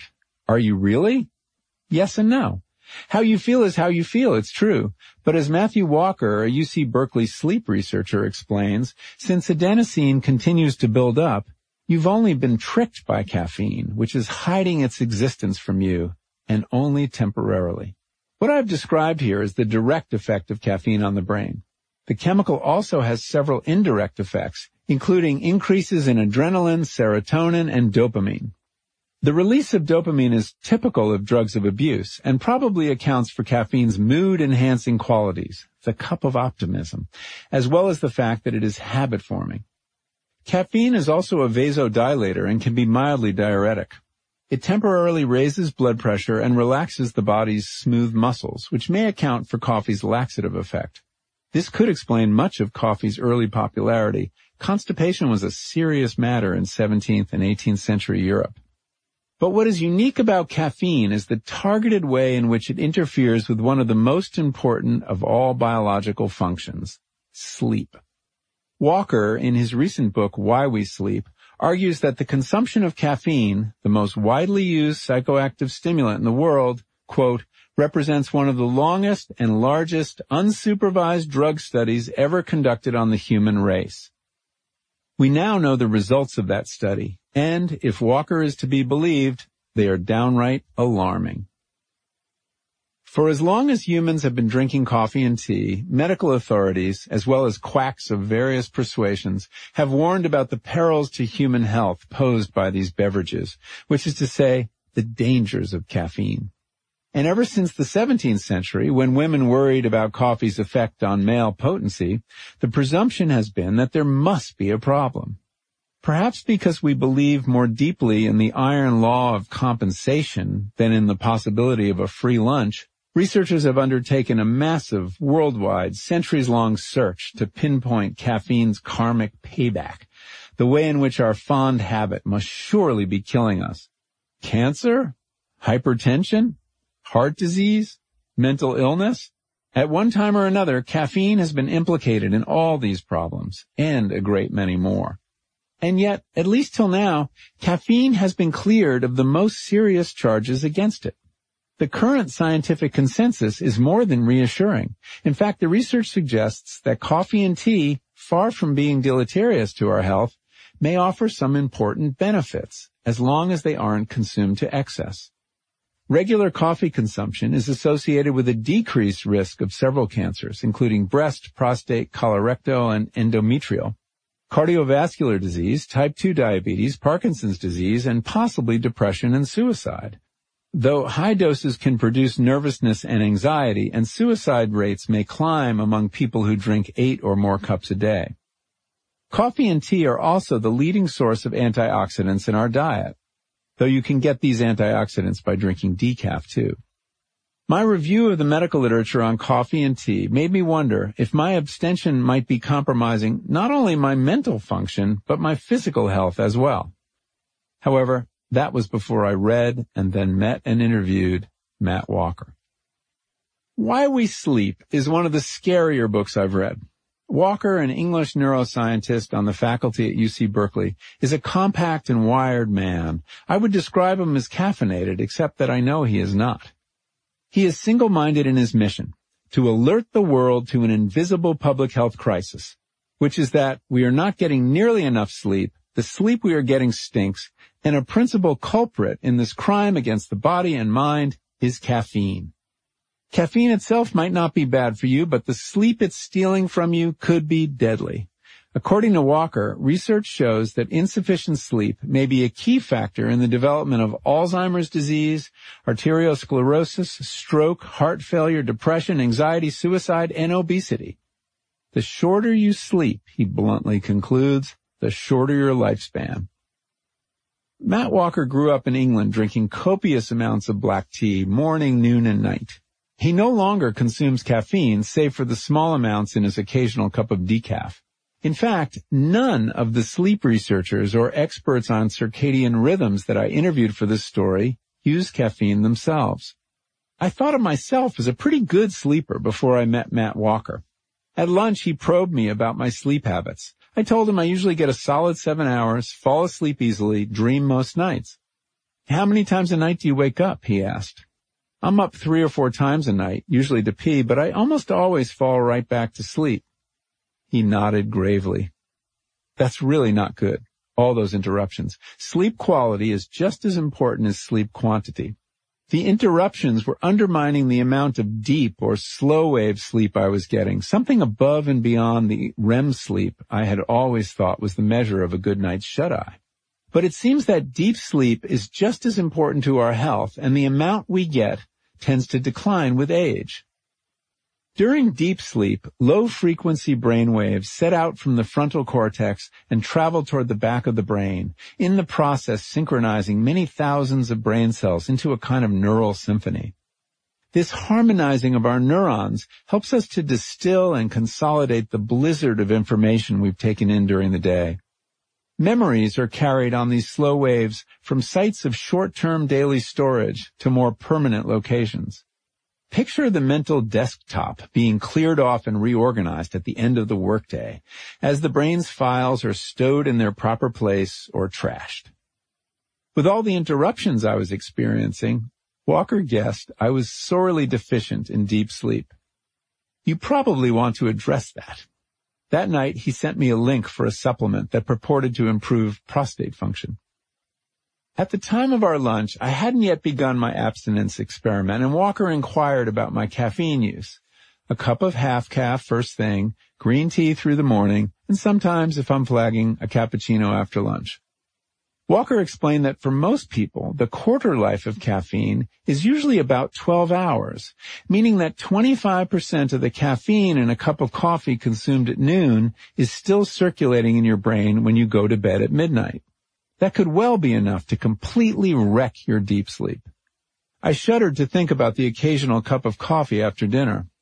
Some people say that they can drink coffee at night and fall right to sleep, Walker said, a note of pity in his voice. That might be the case, but the amount of slow wave sleep will drop by 15 to 20%, he said. For me to decrease your deep sleep by that much, I'd have to age you by 20%. Which meant that, that after dinner espresso would give me the lousy night's sleep of a man 12 years my senior. I pictured the anarchy of my computer's desktop after a long day of work when I have neglected to perform any digital hygiene. Caffeine is not the sole cause of our sleep crisis. Screens, alcohol, which is as hard on REM sleep as caffeine is on deep sleep, pharmaceuticals, work schedules, noise and light pollution, and anxiety can all play a role in undermining both the duration and quality of our sleep. But caffeine is at or near the top of the list of culprits. Walker says, quote, if you plot the rise in the number of Starbucks coffee houses over the past 35 years and the rise in sleep deprivations over that period, the lines look very similar. Here's what's uniquely insidious about caffeine. The drug is not only a leading cause of our sleep deprivation, it is also the principal tool we rely on to remedy the problem. Most of the caffeine consumed today is being used to compensate for the lousy sleep for which caffeine bears responsibility. Which means that caffeine is helping to hide from our awareness the very problem that caffeine creates. Charles Czeisler, an expert on sleep and circadian rhythms at Harvard Medical School, put the matter starkly several years ago in a National Geographic article by T.R. Reid. The principal reason that caffeine is used around the world is to promote wakefulness. But the principal reason that people need that crutch is inadequate sleep. Think about that. We use caffeine to make up for a sleep deficit that is largely the result of using caffeine. When I recently spoke to Czeisler, he told me he doesn't use caffeine either, but shared a story about his thesis advisor at Stanford who did. Bill Dement is a legendary sleep researcher involved in the discovery of the connection between REM sleep and dreams and the creator of the field of sleep disorder medicine. Quote, once when he stayed with us, he came downstairs in the morning and asked, where's the coffee? We didn't even own a coffee maker. I'm sorry, Bill, but as you well know, caffeine is the enemy of sleep. True, he replied, but it's also the friend of waking. I'm not sure Matt Walker would find that story the least bit funny. The sleep issue suggests an answer to the conundrum of how caffeine could be a source of human energy. It only looks that way because caffeine is simply hiding or postponing our exhaustion by blocking the action of adenosine. As the liver removes the caffeine from circulation, the dam holding back all that pent-up, still mounting adenosine will break. And when the rebounding chemical floods the brain, you will crash, feeling even more tired than you did before that first cup of coffee. So what will you do then? Probably have another cup. It appears that there is no free lunch. The energy that cup of coffee or tea has given you has been borrowed from the future and must eventually be paid back. What's more, there is interest to be paid on that loan and it can be calculated in the quantity and quality of your sleep. Our story about the cup of concentrated sunshine does seem to be darkening, and I'm afraid it will darken further before it is over.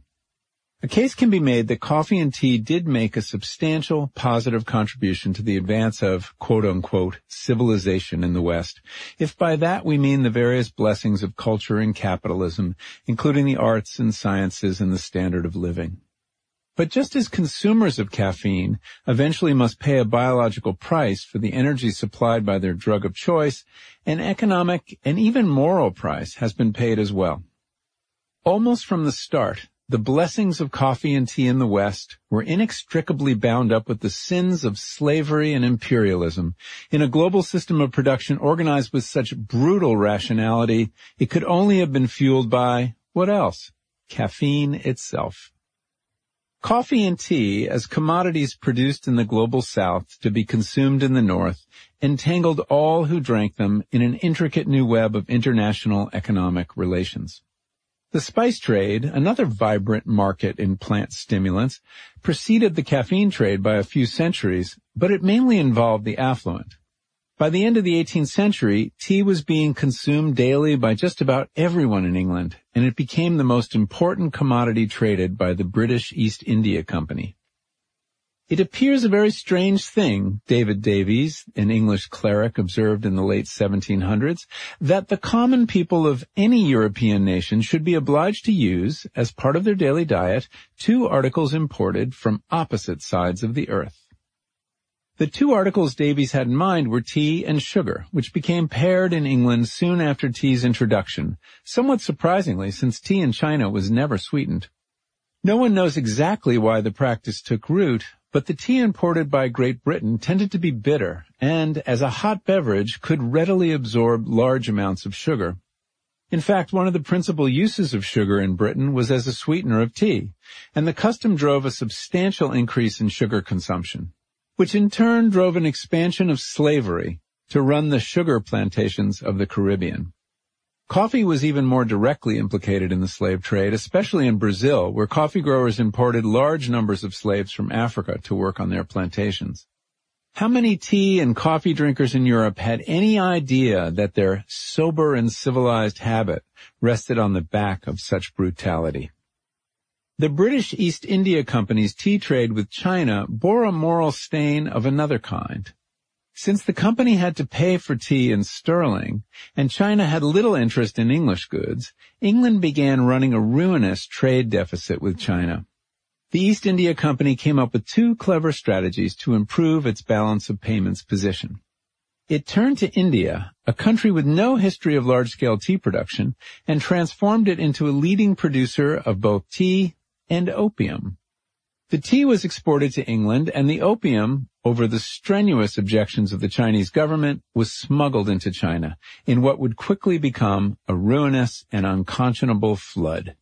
By 1828, the opium trade represented 16% of the company's revenues, and within five years, it was sending more than 5 million pounds of Indian opium to China per year. This certainly helped close the trade deficit, but millions of Chinese became addicted, contributing to the decline of what had been a great civilization. After the Chinese emperor ordered the seizure of all stores of opium in 1839, Britain declared war to keep the opium flowing.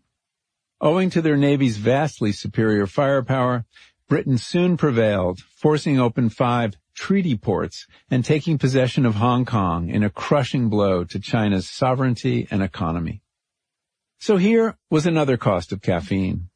In order for the English mind to be sharpened with tea, the Chinese mind had to be clouded with opium. Those of us who enjoy a cup of coffee or tea today know scarcely more about the system that produces it than consumers did during the time of slavery or the opium wars. The intricate supply chain that delivers us our daily dose of caffeine is largely invisible, and while it no longer rests on the backs of African slaves or Chinese opium addicts, a regime of economic exploitation remains at its base. For every $4 latte, only a few pennies ever reach the farmers who grew the beans, most of whom are smallholders working a few steeply raked acres in some rural corner of a tropical country. In recent years, the global price for coffee beans has moved in giant destructive swings as the market does what markets do, scours the world for the lowest price producer at any given moment. In the 1960s, the world's coffee growing nations banded together to limit those swings by managing supply cooperatively. The International Coffee Agreement set export quotas for each coffee producing nation as a way to keep prices stable within a certain range. This worked for many years. But in 1989, after the rise of neoliberal economics and the consolidation of buying power in the hands of a small number of multinational corporations, the coffee agreement fell apart. Prices now are set by futures markets in London and New York and move up and down dramatically and unpredictably. In many years, farmers are forced to sell their beans for less than it costs to grow them. Of the $10 you might pay for a pound of coffee, only about $1 reaches the farmer who grew it. At the higher end of the market, a handful of companies like Starbucks and certification schemes like Fairtrade International are seeking to improve the lot of coffee farmers by paying them a guaranteed price. But a free market in any commodity crop that is grown by millions of small producers and bought by only a tiny handful of large buyers will inevitably enrich the latter while tending to impoverish the former. Perhaps you think I'm painting such a dark picture of coffee and tea because, like those Confederate troops, I've been demoralized by the fact I can't have any. You also may be wondering why I seem to be reducing the rich, complex culture surrounding these two beverages to brain chemistry and economics. Surely this is an overly reductive way to look at things as wonderful as coffee and tea. You have a point. I don't mean to take anything away from the intricate cultures that surround tea and coffee and transcend the chemical they share. The epitome of caffeine culture is, of course, the Japanese tea ceremony, which elevates the preparation and consumption of tea to a spiritual practice. With the ceremony's multiple layers of ritual, Zen philosophy, elaborate manners, scripted dialogue, and cherished paraphernalia, one could easily lose sight of the fact that one is consuming a drug. Why is there no comparable coffee ceremony? There have been attempts, surely you have met such coffee fetishists, but their efforts pale in comparison. What I find curious is just how different in character and symbolism these two caffeine delivery systems have become. How did the culture of tea become so much more refined than the brawny culture of coffee? Perhaps it has something to do with the fact that a cup of coffee delivers a stronger jolt than tea, which contains less than half as much caffeine. But drink a second cup of tea and you'll be equally caffeinated, so that can't be the whole story. Perhaps it is the taste or chemistry or the region of origin that explains it, or perhaps the different cultural associations of coffee and tea are simply accidents of history. Whatever the reason, the differences are striking. In The World of Caffeine, Bennett Alan Weinberg and Bonnie K. Bealer neatly contrast the rival cultures by proposing a series of sharp dualities. These are so obvious that I don't need to tell you which term applies to which beverage. Male, female. Boisterous, decorous. Bohemian, conventional. Obvious, subtle. Indulgence, temperance. Vice, virtue. Passion, spirituality. Casual, ceremonial. Down to earth, elevated. American, English. The frontier, the drawing room. Excitement, tranquility. Demimonde, society. Extroverted, introverted. Full-blooded, effete. Occidental, oriental. Work, contemplation. Tension, relaxation. Spontaneity, deliberation. Beethoven, Mozart. Balzac, Proust. And so on. The various delivery systems for alcohol exhibit a similar degree of elaboration. Just think of the cultural signifiers that go with wine versus those belonging to beer or hard liquor. We humans apparently have a deep desire to complicate things, to embroider the most basic biological response with the rich colors and textures of culture. In fact, the very idea these drinks each constitute a delivery system for a psychoactive compound offends us a bit.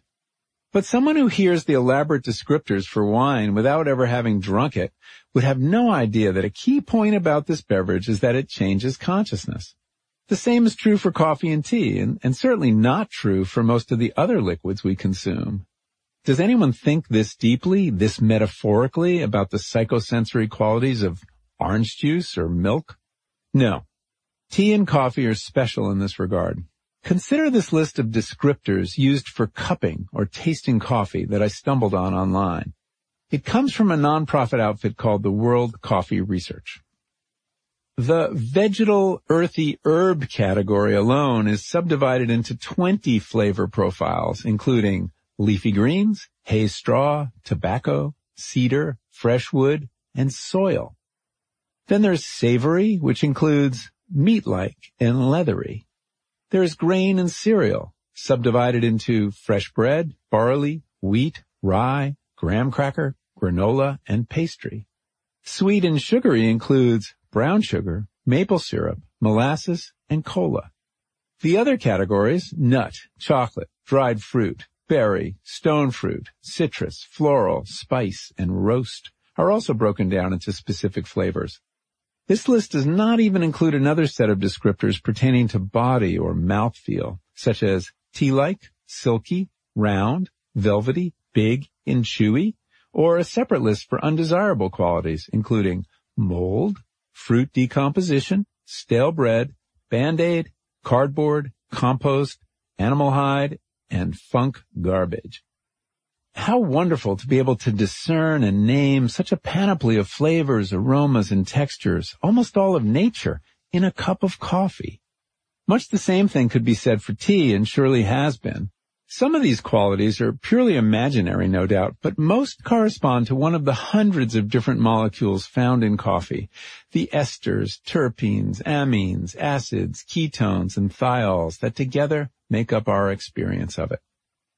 All those flavors and aroma molecules are present in your cup, but how much would that matter if not for that one other molecule, 1,3,7-trimethylxanthine?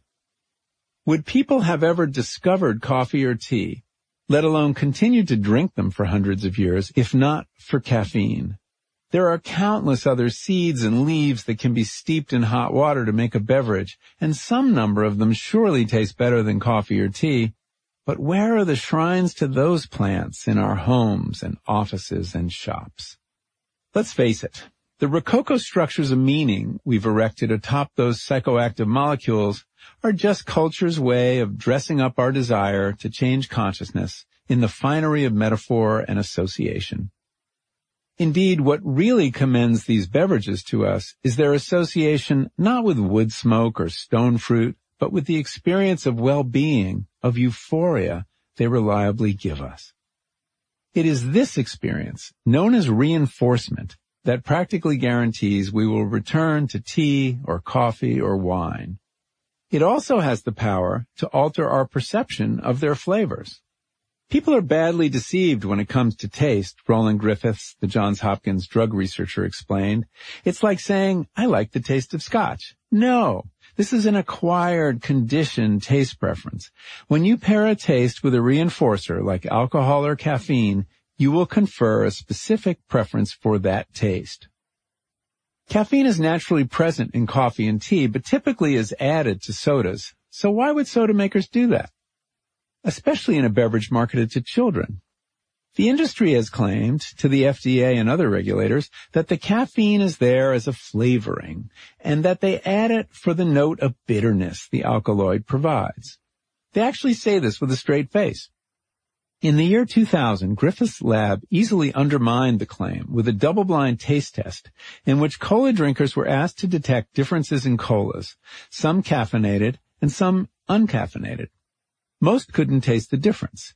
And yet the six top-selling soda brands in the U.S. all contain caffeine, typically about as much as in a cup of tea.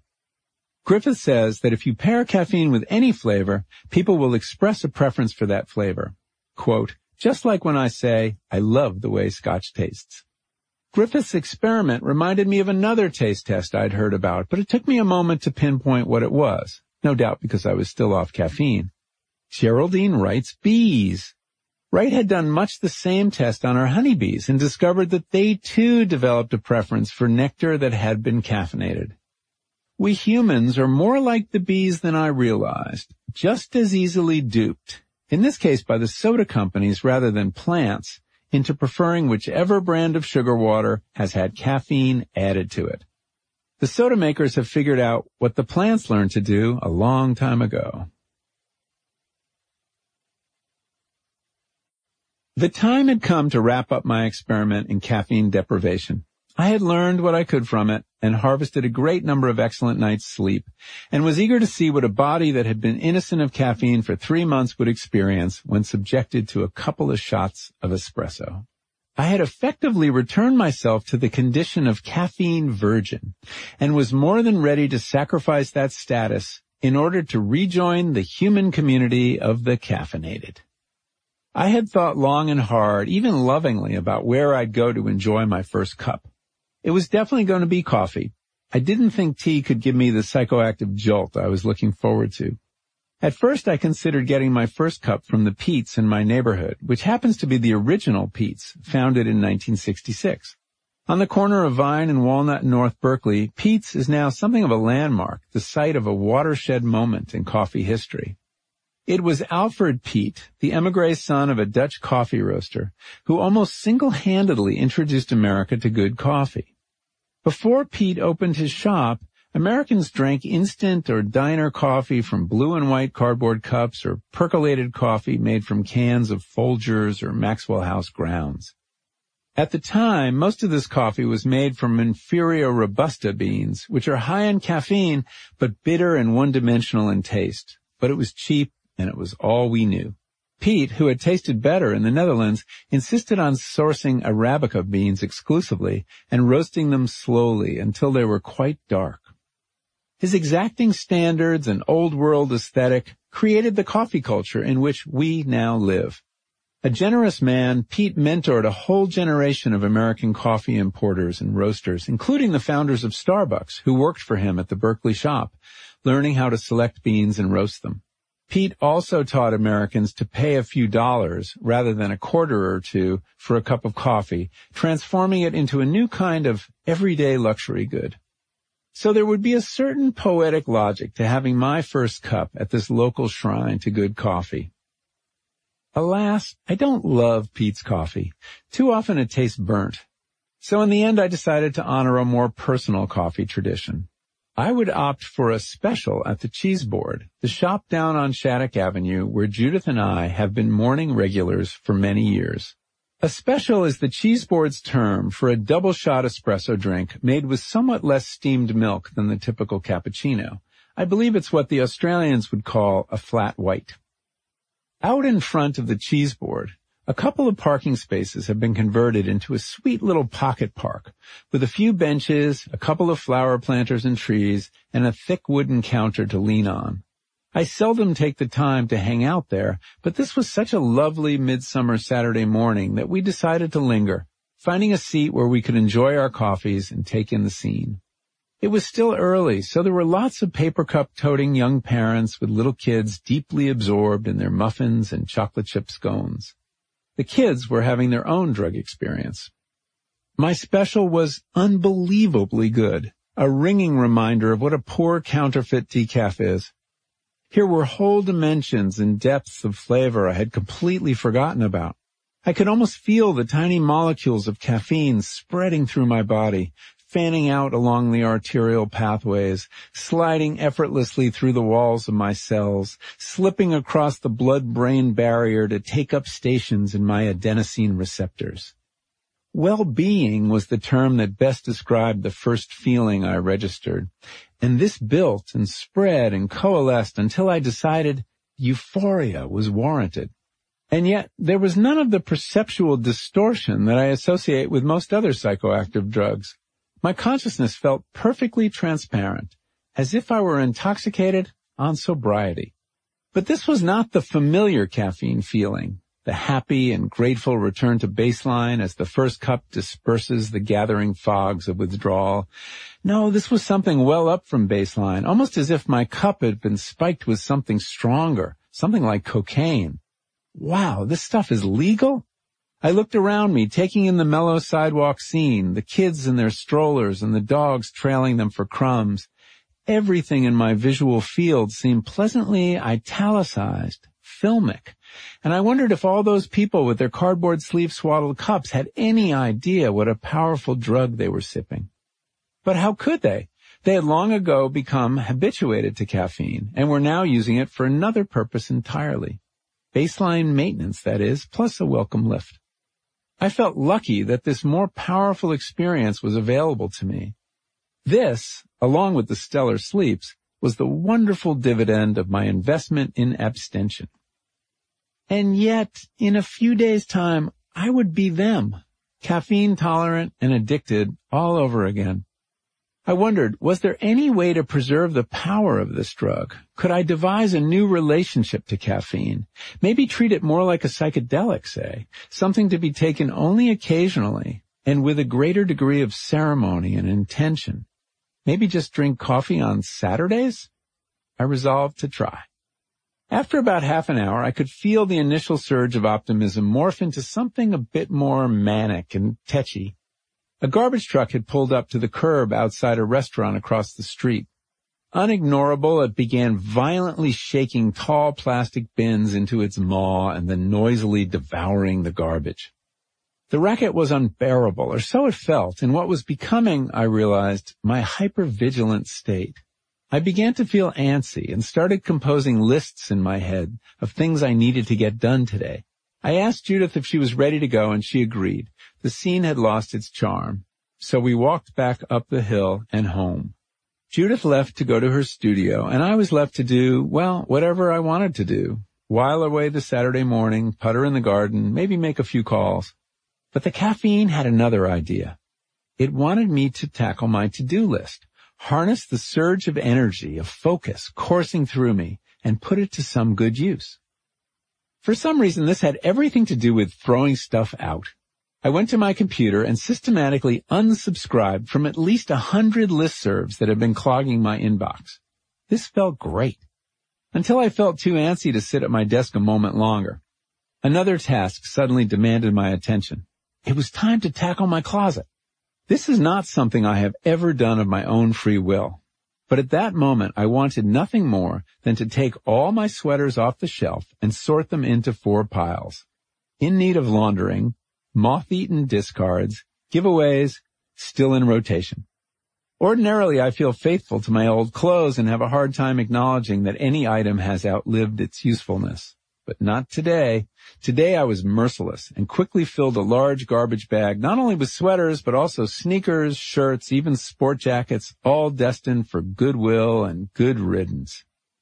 The morning went on like that as I compulsively got stuff done on the computer, in my closet, in the garden, in the shed. I raked, I weeded, I put things in order as if I were possessed, as I guess I was. Whatever I focused on, I focused on zealously and single-mindedly. I was like a horse wearing blinders. The periphery and its distractions had completely vanished from my field of awareness. I could sink myself into a task and fail to notice that an hour had passed. Around noon, my compulsiveness began to subside, and I felt ready for a change of scene. I had yanked a few plants out of the vegetable garden that were not pulling their weight, and decided to go to the garden center to buy some replacements. It was during the drive down Solano Avenue that I began idly fantasizing about how I might get a second cup. And all at once I realized the true reason I was heading to this particular garden center. They had this Airstream trailer parked out front that served really good espresso drinks. I had only had a single cup of coffee after three months of abstinence and already the insidious tentacles of dependence were beckoning. What had happened to my hours old resolution to drink coffee only on Saturday? Then I heard a voice say, but it is still Saturday. I knew immediately who it was the clever and sinuous persona of the addict. It took all the willpower I could muster to resist it. Partway through my research for this story, it occurred to me that I had never actually laid eyes on a coffee or tea plant. Well, that's not entirely true. A few years ago, the Peet's in my neighborhood kept a rather sad and scraggly coffee plant in a pot by the door, but it never bore fruit and didn't survive long. I had certainly never encountered a coffee plant in its native habitat. So I decided to pay Coffea Arabica a visit. Some other business had brought us to Medellin, the gateway to Colombia's premier coffee growing region. So on a January morning, we hired a car to take us into the mountains south of the city. Our destination was Cafe de la Cima, a coffee farm or finca a few miles by rutted dirt road outside of Fredonia, a lively little market town stretched out in the shadow of Cerro Bravo. Along the way, we passed Cerro Tusa, the perfect green triangle of a volcano depicted on the logo for Colombian coffee. You've seen it a thousand times on packages of beans and in all those commercials for Colombian coffee, the classic ones featuring Juan Valdez. It turns out Juan Valdez is a purely fictional campesino. He was born in the brain of an advertising copywriter in the Manhattan office of Doyle Dane Bernbach, the ad agency, in 1958 for the purpose of selling Colombian coffee to the world. Octavio Acevedo and his son Umberto, the proprietors of Cafe de la Cima, could have served as role models for Valdez right down to the straw hat and colorful serape. The only thing missing from the scene is Conchita, Valdez's faithful burro. Umberto, who showed us around the seven-acre finca, is the fourth generation to grow coffee on this steep, lush hillside. But the operation has changed in important ways since his grandfather farmed it. Five years ago, Umberto explained as we set out to visit his shrubs, my father decided he wanted to taste the coffee he was growing. This was a radical idea. Most campesinos sell their beans to middlemen while they're still green, freshly picked and unprocessed. If they drink coffee at all, it's coffee grown by someone else, and probably tinto, the thick, concentrated coffee made from cheap beans that most Colombians still drink. All the best beans go to the export market. But Octavio could see there was no future for a small farmer selling a commodity crop into what has become a turbulent global market. So he decided he would try to sell something different. Coffee that had been grown, harvested, cleaned, fermented, dried, and roasted on the farm.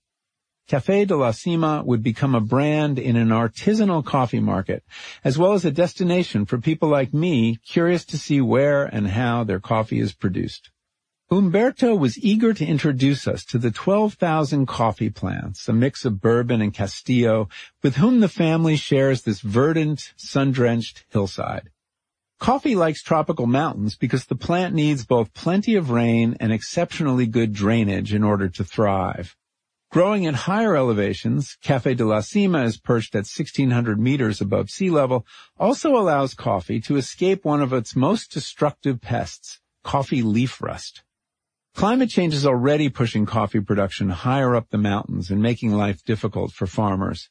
Coffee plants are notoriously picky about rainfall, temperature, and sunlight, all of which are changing in Colombia and rendering lands that had always been good for coffee production no longer viable. Worldwide, the prospects for coffee production in a changing climate are, according to the agronomists, dismal. By one estimate, roughly half of the world's coffee growing acreage will be unproductive by 2050. Umberto led us up a steep path behind the house. We passed a nursery where he was sprouting coffee plants. Dozens of tiny seedlings, each wearing a tan coffee bean like a cleft hat. It's easy to forget that coffee beans are first and foremost seeds. Rather than buy replacement plants when their production declines, Umberto has begun selecting and germinating his own, scouring the farm for specimens that thrive in his particular soil and microclimate. Up past the nursery, we crossed a little stream and stepped into the first row of coffee plants. Curving parallel lines of five-foot tall prune shrubs thick with glossy green leaves and bearing slender branches lined with cherries. Most of the fruits were still green, but there were a handful of bright red ones that looked more like cranberries than cherries. Umberto handed Judith and me each a basket, worn in front at waist height and suspended by a strap over the shoulder. He shooed us away. Go, pick some coffee. We each went our own way, stepping gingerly down a different narrow row of spiky green shrubs. The hillside is so steep, I had to carefully sidestep my way from plant to plant, bending over and reaching through the leaves to pick only the reddest cherries, one by one, and dropping them in my basket. I bit into a ripe red one. The flesh tasted fruity and sweet, with just a suggestion of coffee flavor. And in the center sat a small tan seed, divided into two lobes like a miniature pair of buttocks. Umberto had told me it takes 50 or so coffee beans to make a single cup of coffee. After a half hour of picking, I had collected enough beans for maybe four or five cups, and already my back and feet were in an uproar of pain. It was hard to believe coffee was still picked by hand, bean by bean, that so little has changed over the centuries. But the steepness of the orchards discourages both mechanization and consolidation. This is still an agriculture dominated by millions of small farmers with readier access to hands than to capital. The biggest innovation at Café de la Cima is the one that has put Conchita out of work. When a picker's basket is topped up, he no longer straps it to the back of a burro for the ride down the hillside. Now, he spills the basket of coffee cherries into a concrete box at the top of the hill. A stream of well water then flushes the cherries through a steel pipe, carrying them down the mountain and directly into the processing shed. I didn't pick enough coffee to fill my basket, not even close. I was stymied by having to stretch my legs and straighten up every few minutes or my back would bitterly complain.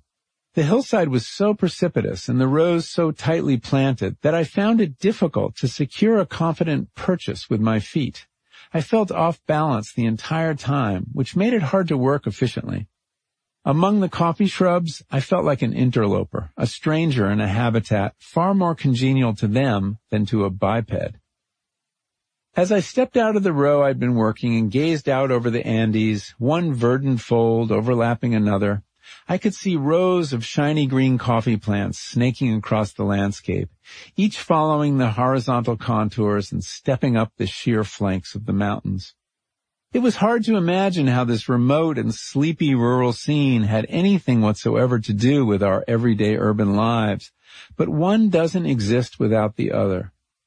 The two realms have become intimately connected and are now implicated in each other's destinies by powerful vectors of trade and desire. Our taste for coffee, only a few hundred years old, has reconfigured not only this landscape and the lives of the people who tend it, but the very rhythms of our civilization. Yet it wasn't coffee's taste alone that worked those wonders. It was also, crucially, the tiny molecule that contributed the bitterness to that drink, and what that molecule did to our minds once it found its way into our brains. What is impossible to see from this distance is how all the glossy green leaves blanketing these mountains are at this very moment transforming the strong rays of the tropical sun and the nutrients in these ruddy soils into 1,3,7-trimethylxanthine. The plants have turned these mountainsides into factories for the production of caffeine. What is difficult to square standing here is how a landscape as unhurried and tranquil as this one could be the driver of so much speed, energy, and industry in the world I'll soon return to. Perched somewhat crookedly on the precipitous slope of one of these caffeine mountains, my main thought was, you really have to give this plant a lot of credit. In less than a thousand years, it has managed to get itself from its evolutionary birthplace in Ethiopia all the way here to the mountains of South America and beyond, using our species as its vector. Consider all we've done on this plant's behalf. Allotted it more than 27 million acres of new habitat, assigned 25 million humans to carefully tend it, and bid up its price until it became one of the most precious crops on earth. This astounding success is owing to one of the cleverest evolutionary strategies ever chanced upon by a plant. The trick of producing a psychoactive compound that happens to fire the mind of one especially clever primate, inspiring that animal to heroic feats of industriousness, many of which ultimately redound to the benefit of the plant itself. For coffee and tea have not only benefited by gratifying human desire, as have so many other plants, but these two have also assisted in the construction of precisely the kind of civilization in which they could best thrive. A world ringed by global trade, driven by consumer capitalism, and dominated by a species who by now can barely get out of bed without their help. Of course, this all began strictly as an accident of history and biology. Remember the goats that were said to have inspired that curious herder to taste his first coffee berry? But that's how evolution works. Nature's most propitious accidents become evolutionary strategies for world domination. Who could have guessed that a secondary metabolite produced by plants to poison insects would also deliver an energizing bolt of pleasure to a human brain and then turn out to alter that brain's neurochemistry in a way that made those plants indispensable? A question arises. Which party is getting the better of the symbiotic arrangement between Homo sapiens and these two great caffeine producing plants? We probably lack the perspective needed to judge the question impartially or to perceive how a plant we use might actually be using us. Big-brained and self-regarding primates that we are, we automatically assume we've been calling the shots with these two quote-unquote domesticated species, transporting and planting them where we choose, earning billions off them, and deploying them to gratify our needs and desires. We're in charge, we tell ourselves. But isn't that exactly what you would expect an addict to say? Sure you are.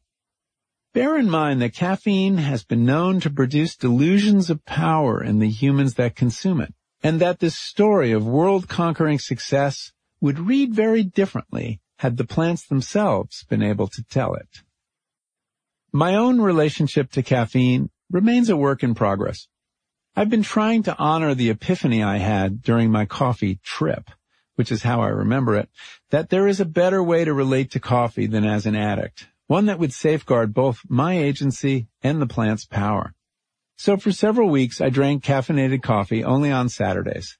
This so dramatically improved my Saturdays that I gradually found myself slipping in a little caffeine during the week, maybe a cup of green tea to clear out the dregs of a particularly muzzy morning, or a decaf when I wanted to treat myself to the taste of coffee. But as with so many addictions, the slope is slippery. The mind concocts elaborate arguments for the purpose of undermining its best intentions. I suspect it's probably easier to enforce an absolute ban than one that's shot through with exceptions and therefore subject to rationalization and self-deception. My latest idea is simple. To have some caffeine on Saturdays for pleasure and household chores, but also at a few select other times when I need it. Use coffee or tea as a tool, in other words, rather than let coffee and tea use me. I remember Roland Griffiths telling me there had been a time in his life when he used caffeine in precisely this way, only when he had a big deadline, say, or was writing a grant. True, when he told me this, he was sipping a tall Starbucks, suggesting either that Skyping with me qualified as a special occasion or that the regime had eventually crumbled. But maybe I could sustain it. I would try. Take this morning as an example. It is not Saturday, I'm writing the last paragraphs of this story, always a fraught exercise. People talk a lot about the importance of beginnings, but endings matter too. Ideally, they should strike a bell that reverberates long after you close the book or magazine or whatever you're about to do now to turn me off. Assuming you've gotten this far. But you have. I've put off writing this ending several days in a row, not sure exactly how to handle it. You'll recall I began this story in a bit of a crisis, having given up caffeine for the story, and with it my confidence in the value of what I was about to write. Eventually I found my bearings, though, and managed to rekindle interest in the subject without the use of the subject. I had broken free of caffeine's grip, or so I like to think. This morning, however, setting out to find these last words, up against my deadline, I felt like I needed, and honestly, I deserved a little something extra to push me over the finish line. But it was only Thursday. Was this a strong enough reason to break my Saturday rule? As Judith and I walked down the hill to the cheese board this morning, I was unsure what I would order right up to the moment when I stepped to the front of the line. It was not just the barista I surprised when these words popped out of my mouth. Make it a regular, please. The end. This has been a production of Caffeine, How Caffeine Created the Modern World, written and performed by Michael Pollan.